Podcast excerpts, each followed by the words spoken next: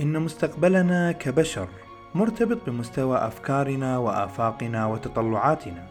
ولكي نرفع ونوسع تلك الآفاق لا يوجد شيء أفضل من سبر أغوار هذا الكون للكشف عن أسراره وجواهره الخفية. معكم حسن الشيرازي وأهلا بكم في الكون بودكاست.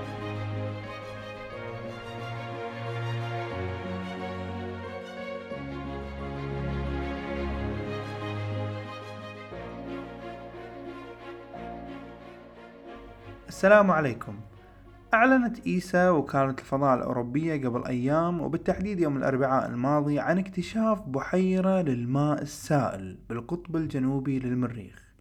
وأعلن العلماء أن باستخدام رادار منخفض التردد محمل على المسبار الأوروبي مارس إكسبرس قام بدراسة المنطقة وتجميع المعلومات من العام 2012 إلى العام 2015 وبعد الاستفاضة بالتحليل تبين وجود بحيرة من الماء السائل تحت طبقة من الجليد على عمق واحد ونص كيلومتر ولكنها ليست المرة الأولى ولا الثانية ولا الثالثة ولن تكون حتى الأخيرة اللي يعلن عنها العلماء عن وجود الماء في كوكب المريخ إذا ما الفرق بين كل تلك الاكتشافات؟ وهل نحن متأكدون من وجود الماء السائل الآن في المريخ بنسبة 100%؟ ولماذا يبحث العلماء عن الماء السائل بالتحديد؟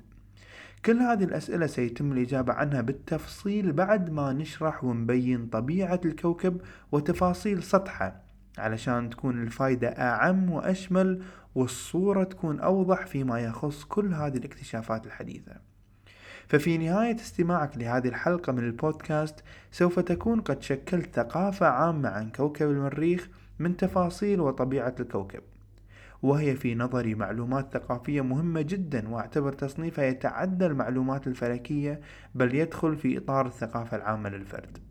ففي المستقبل القريب جدا ستزداد الأخبار عن المريخ بشكل أكبر وستسمعها بكثرة نظرا لضخامة التوقعات والمشاريع من هذا الكوكب. خصوصا مع دخول منطقتنا العربية حيز البحث والاكتشاف في كوكب المريخ مع مسبار الأمل من دولة الإمارات العربية المتحدة. اللي مخطط له أنه ينطلق إلى المريخ في العام 2020 ويوصل كوكب المريخ بحلول العام 2021 تزامنا مع ذكرى مرور 50 عام على قيام اتحاد دولة الإمارات العربية المتحدة. اللي بإذن الله سوف نحتفل فيه معاهم بهذا الإنجاز العظيم. أما الآن فتستعد مركبتنا للانطلاق نحو كوكب المستقبل نحو المريخ.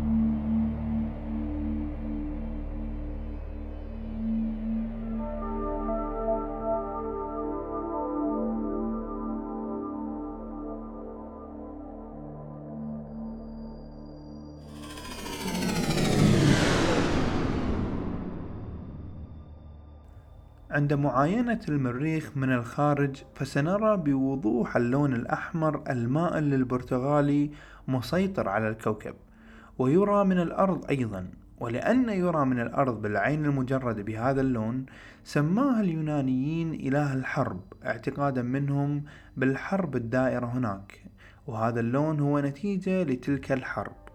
ولكن السبب العلمي لهذا اللون هو انتشار الحديد المؤكسد المكون لسطح المريخ وهي السمة الغالبة عليه ودائما يطلق عليه الكوكب الأحمر لذات السبب. ويمكن أيضا ملاحظة صغر حجم الكوكب فهو أصغر من الأرض إلى النصف في الحجم وكتلته أصغر من الأرض ب 11 مرة. وهذا الأمر يأثر على جاذبيته ويخليها أقل من الأرض بنسبة 38% تقريبا. يعني إذا كان وزنك على كوكب الأرض 100 كيلو جرام فإذا رحت المريخ راح تصير 38 كيلو جرام وهو حل خيالي للسمنة المفرطة.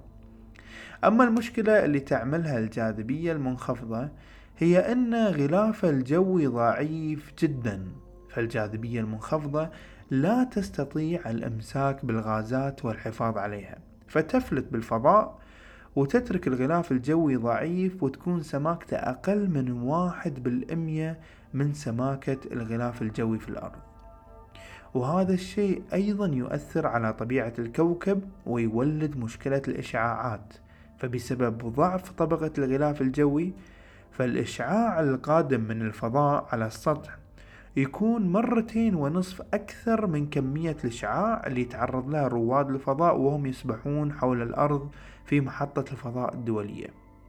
وعلى الرغم من أن هذا الغلاف الجوي مكون 95% من ثاني أكسيد الكربون اللي يعتبر من الغازات الدفيئة ويسبب احتباس حراري إلا أن هذا الضعف في الغلاف الجوي وهذا الموقع بالنسبة للكوكب بعدا عن الشمس يجعل المريخ كوكب بارد جدا فمتوسط الحرارة في المريخ هي سالب 46 درجة سيليزية وهي حرارة منخفضة جدا وتصل إلى سالب 87 وعندها تفقد الإحساس بالأنف والأطراف. وتصل الحرارة في بعض المناطق إلى 20 درجة سيليزية. يمكن ملاحظتها عند خط الاستواء المريخي. وهذا الغلاف الجوي يحتوي على عواصف وزوابع رملية ويحتوي على أكبر عاصفة رملية بالمجموعة الشمسية. ممكن أن تستمر لعدة أشهر وتغطي كامل الكوكب بحيث أنك إذا راقبت الكوكب من الأرض لا تستطيع رؤية السطح أو الأقطاب الثلجية من قوة هذه العاصفة الرملية. وبالنظر إلى كل هذه المواصفات وهذه التفاصيل في كوكب المريخ تستغرب كيف يفكر العلماء ببناء مستعمرات أو نقل البشر إلى كوكب بهذه المواصفات القاتلة أو الغير متماشية مع متطلبات الحياة للإنسان. ولكن كما سنرى في الحلقات القادمة فالحلول موجودة والمشتركات مع الأرض أيضا موجودة. فللمريخ صفة قريبة من الأرض وهي الميلان على محوره بدرجة قريبة من الأرض وهي 25 درجة مما يسبب تعاقب الفصول. ولكن عند تحليل طبيعة المريخ نصطدم بخاصية تصعب مهمة البقاء عليه. ألا وهي انعدام المجال المغناطيسي في الكوكب وسبق وشرحنا أهميتها في حلقة قصة الأرض. وهذا حصل اللي هو انعدام المجال المغناطيسي بسبب حجم المريخ الصغير نسبيا. فعند بداية تشكل الكوكب كان لب المريخ سائل غير متجمد مما يؤدي إلى ولادة المجال المغناطيسي. ولكن لأن الكوكب صغير فبرد بسرعة كبيرة جدا وفقد الحرارة اللي كانت فيه فبالتالي تجمد اللب واختفى معاه المجال المغناطيسي. أهمية المجال المغناطيسي عندنا في كوكب الأرض أنه يحمينا من الإشعاعات الخطرة. وفي حالة المريخ انعدام المجال المغناطيسي يعد سبب رئيسي لضعف الغلاف الجوي بالإضافة للجاذبية الضعيفة مثل ما ذكرت قبل شوي. فعندما تأتي الرياح الشمسية تضرب المتبقي من هذا الغلاف وتزيحه وتخفف من سماكته. فلو كان المجال المغناطيسي موجود لاستطاعت حماية بعض مكونات الغلاف من هذه الأشعة. ففي سطح المريخ حتى لو وجد العلماء طريقة لتحرير الأكسجين من الماء المتجمد فإن من الصعوبة جدا الحفاظ على هذا الأكسجين بالجو بسبب هذه الأشعة اللي تضرب الغلاف الجوي للمريخ. وعندما تنظر إلى المريخ تلاحظ وجود قمرين يدورون حوله. فالقمر الأول يسمى فوبوس والثاني ديموس ويدورون في مسارات دائرية تقريبا حول المريخ وهم صغار بالحجم ويدورون على مستوى خط الاستواء للمريخ وهذه من المصادفات الغريبة. أقرب نظرية حول تكون هذين القمرين بالنظر إلى أحجامهم الصغيرة أن يكون المريخ اصطادهم من حزام الكويكبات اللي بينه وبين المشتري. وإذا شفنا حركتهم ديموس بطيء في حركته جدا جدا. فإذا أشرق فإنه يأخذ وقت طويل حتى يغرب مرة أخرى. أما فوبوس يدور بسرعة كبيرة جدا حول المريخ وهو أقرب للمريخ من القمر ديموس. ويدور حول المريخ تقريبا كل سبع ساعات وتسعة وثلاثين دقيقة. هذا القمر يعاني من آثار الحركة المقفلة مع كوكب المريخ فأثناء حركته يتأرجح بصورة طفيفة وبمحصلة حركة تخلي المحصلة إنه يقترب باتجاه المريخ كل ما يدور حوله. يعني مثل الدوران بشكل حلزوني مع الاقتراب إلى المريخ أكثر فأكثر. ففي نظريتين تختصر نهاية فوبوس مع هذا الاقتراب والحركة. النظرية الأولى تتوقع أنه يوصل عند حد معين وبسبب الضغط فإنه راح يتفتت إلى قطع صغيرة تدور حول المريخ ويكون حزام شبيه لحزام زحل ولكن بشكل مصغر. أما النظرية الثانية فتتوقع أنه راح يقترب من المريخ إلى حد ما يكون مثل النيزك اللي يخترق الغلاف ويكون أكبر تصادم بتاريخ الكوكب. ممكن يستغرق هذا أربعين مليون سنة حتى يحدث. هذه تقريبا أغلب الصفات المهمة والعامة لكوكب المريخ واللي تميزه وتشكل ملامحه. أما الآن فدعونا نعرف قصة الماء في كوكب المريخ وآخر اكتشافات وكالات الفضاء حول هذا الأمر.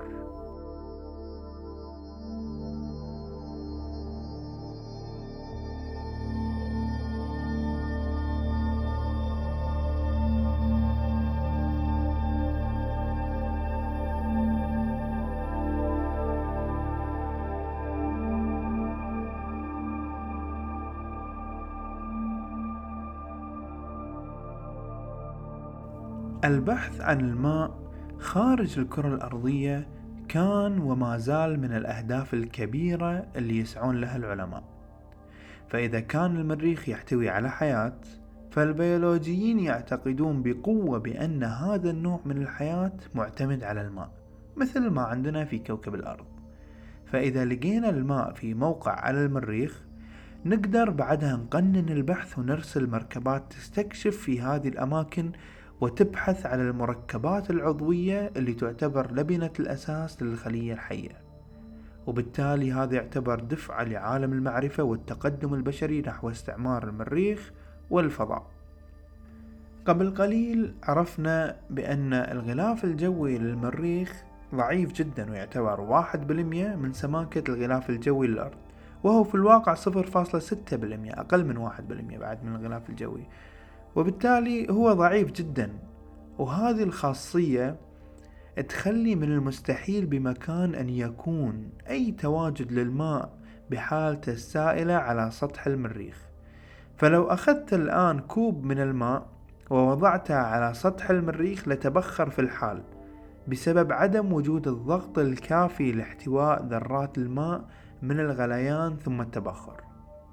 لشرح هذه الحالة كلنا نعلم بأن الماء يغلي عند درجة حرارة 100 سيليزية.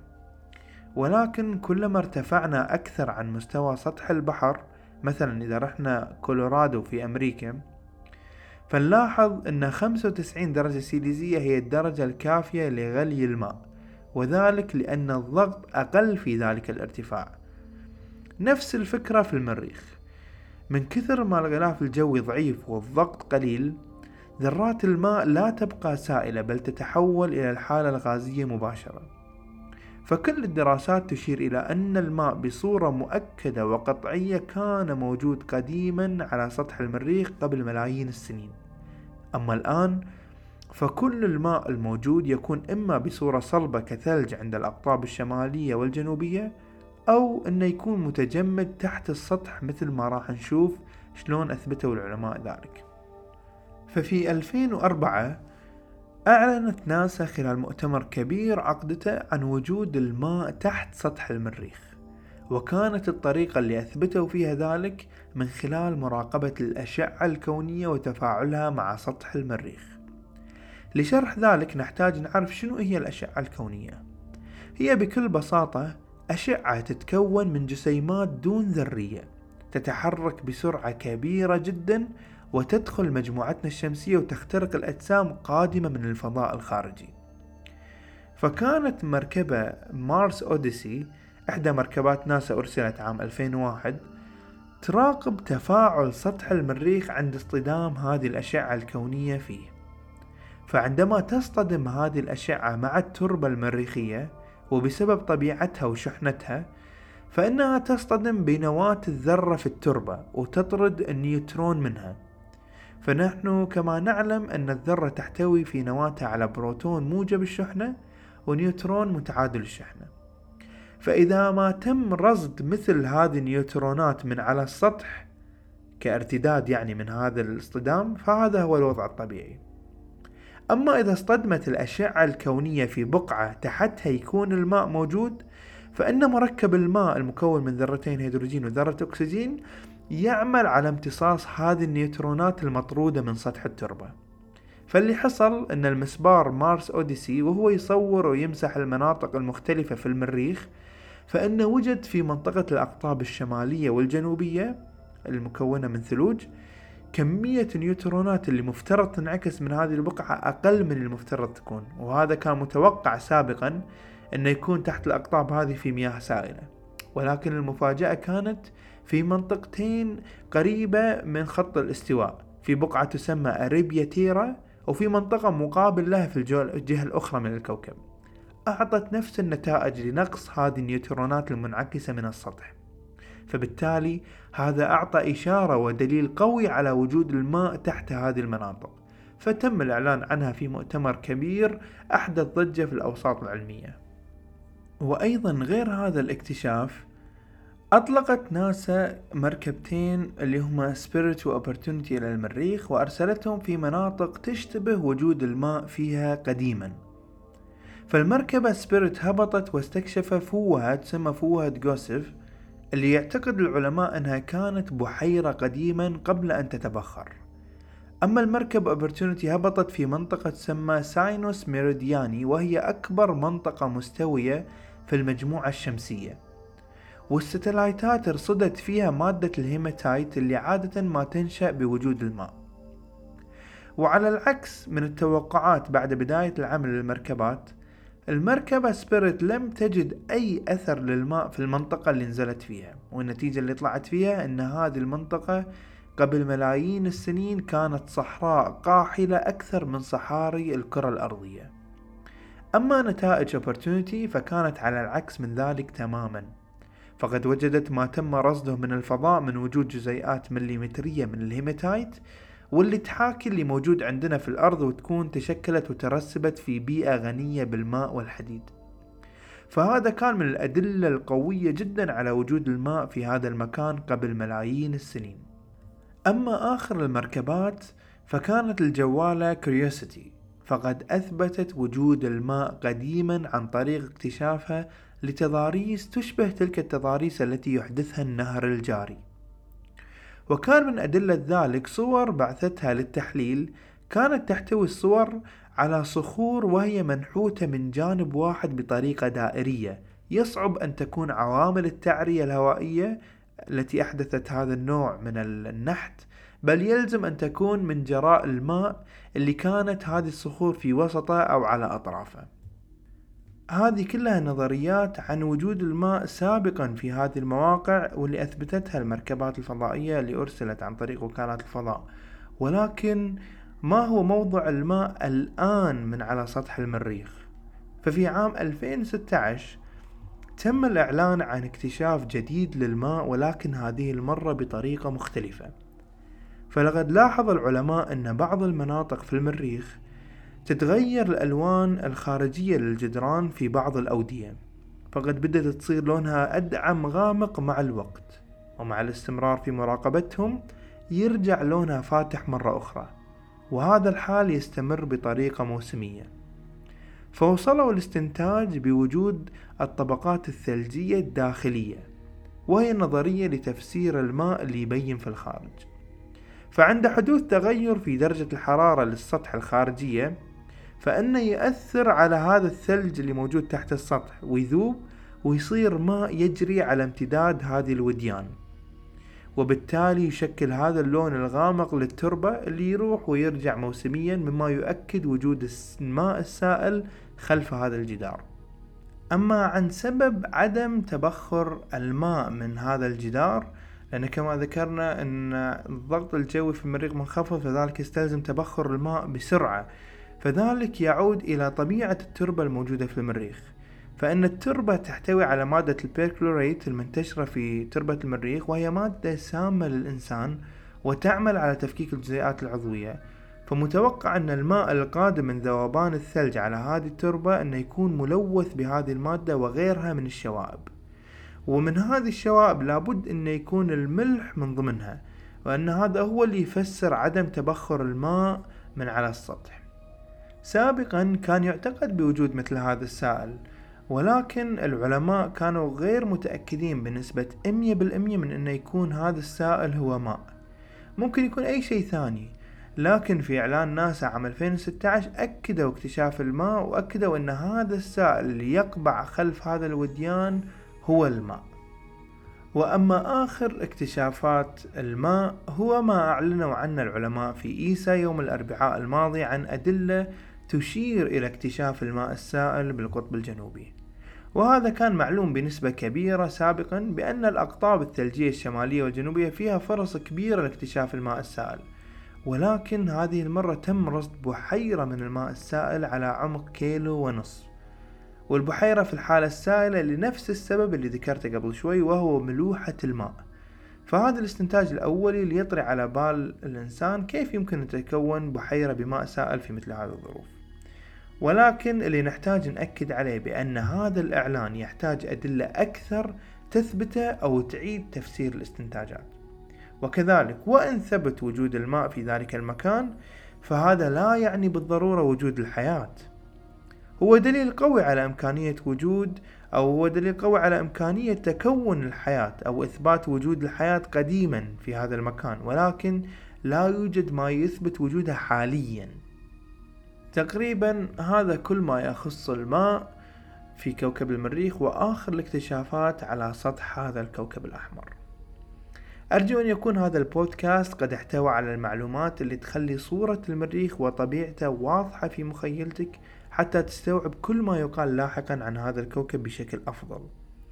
كما يمكنكم الاشتراك بالقناة عن طريق ال SoundCloud والبودكاست application على ال iPhone حتى تصلكم الحلقات اولا بأول وتكونوا على اتصال مع عالم الفضاء.